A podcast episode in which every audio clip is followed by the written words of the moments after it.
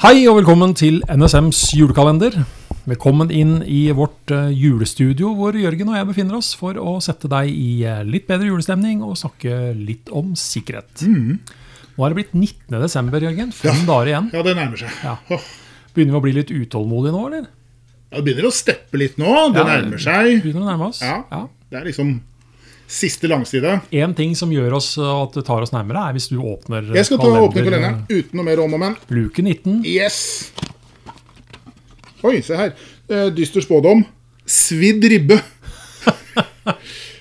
Det høres ut som engangspassord fra banken på mobil. Eller Ja, det var det.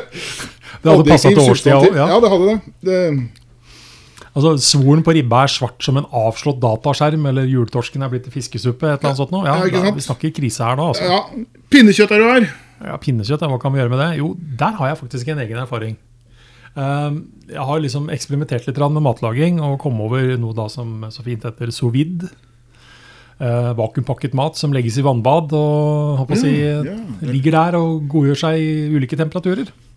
Og så fant jeg ut at det er jo fantastisk smart å gjøre med pinnekjøtt. Det kan jeg her og nå si at det er det ikke.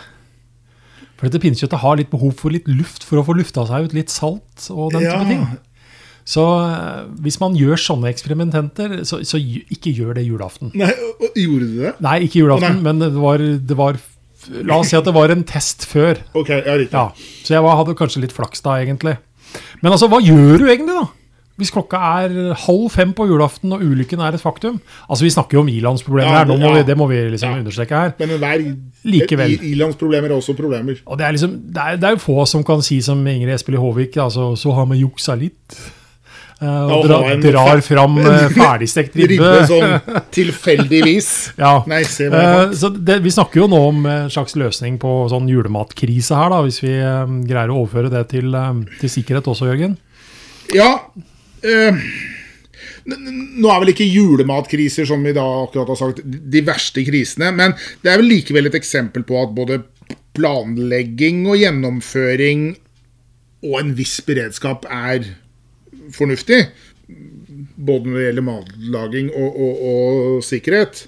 Men eh, jeg, jeg tror vel alle som hører på oss, skjønner at det er kanskje viktigere å ha løsninger på plass i sikkerhetsarbeidet sitt, eh, sammenlignet med å legge all innsats i å ha en backup-ribbe, eh, i tilfelle hovedribba eh, går på en smell. Ja. Men altså, igjen og igjen, som vi gjentar kanskje det kjedsommelige, altså forstå at det allikevel kan skje. Planlegg deretter. Ja. Finn ut hvem som kan hjelpe deg når noe skjer. Altså, Jeg har vel i hvert fall ikke noe sånn godt eksempel på liksom, at jeg må løpe over til naboen for å høre hei, hei, har du en ribbe ferdig stekt? Har du en ribbebit? Og låne meg? Nei, men, men altså Og det er ikke nødvendigvis det eh, Altså, Den situasjonen kan man liksom snu til det bedre. Det Ja, året det dette skjedde. Det altså, det var det året vi alle sammen koste oss med medisterkake og julepølse og poteter og surkål og den type ting. Og det kan faktisk bli en god historie som lever videre i, i flere generasjoner. Ja, det kan bli en I denne matkrisen i dette Ja. i-landet som Ja, sådan. Men det er liksom det er mindre sjanse for å minne om da bedriften slutta å fungere pga. løsepengevirus, blir det en god historie som alle humrer om fire år etterpå på julebordet. Ha-ha, Husker dere da Ola klikka på den linken? Ja, alle slår seg på lårene.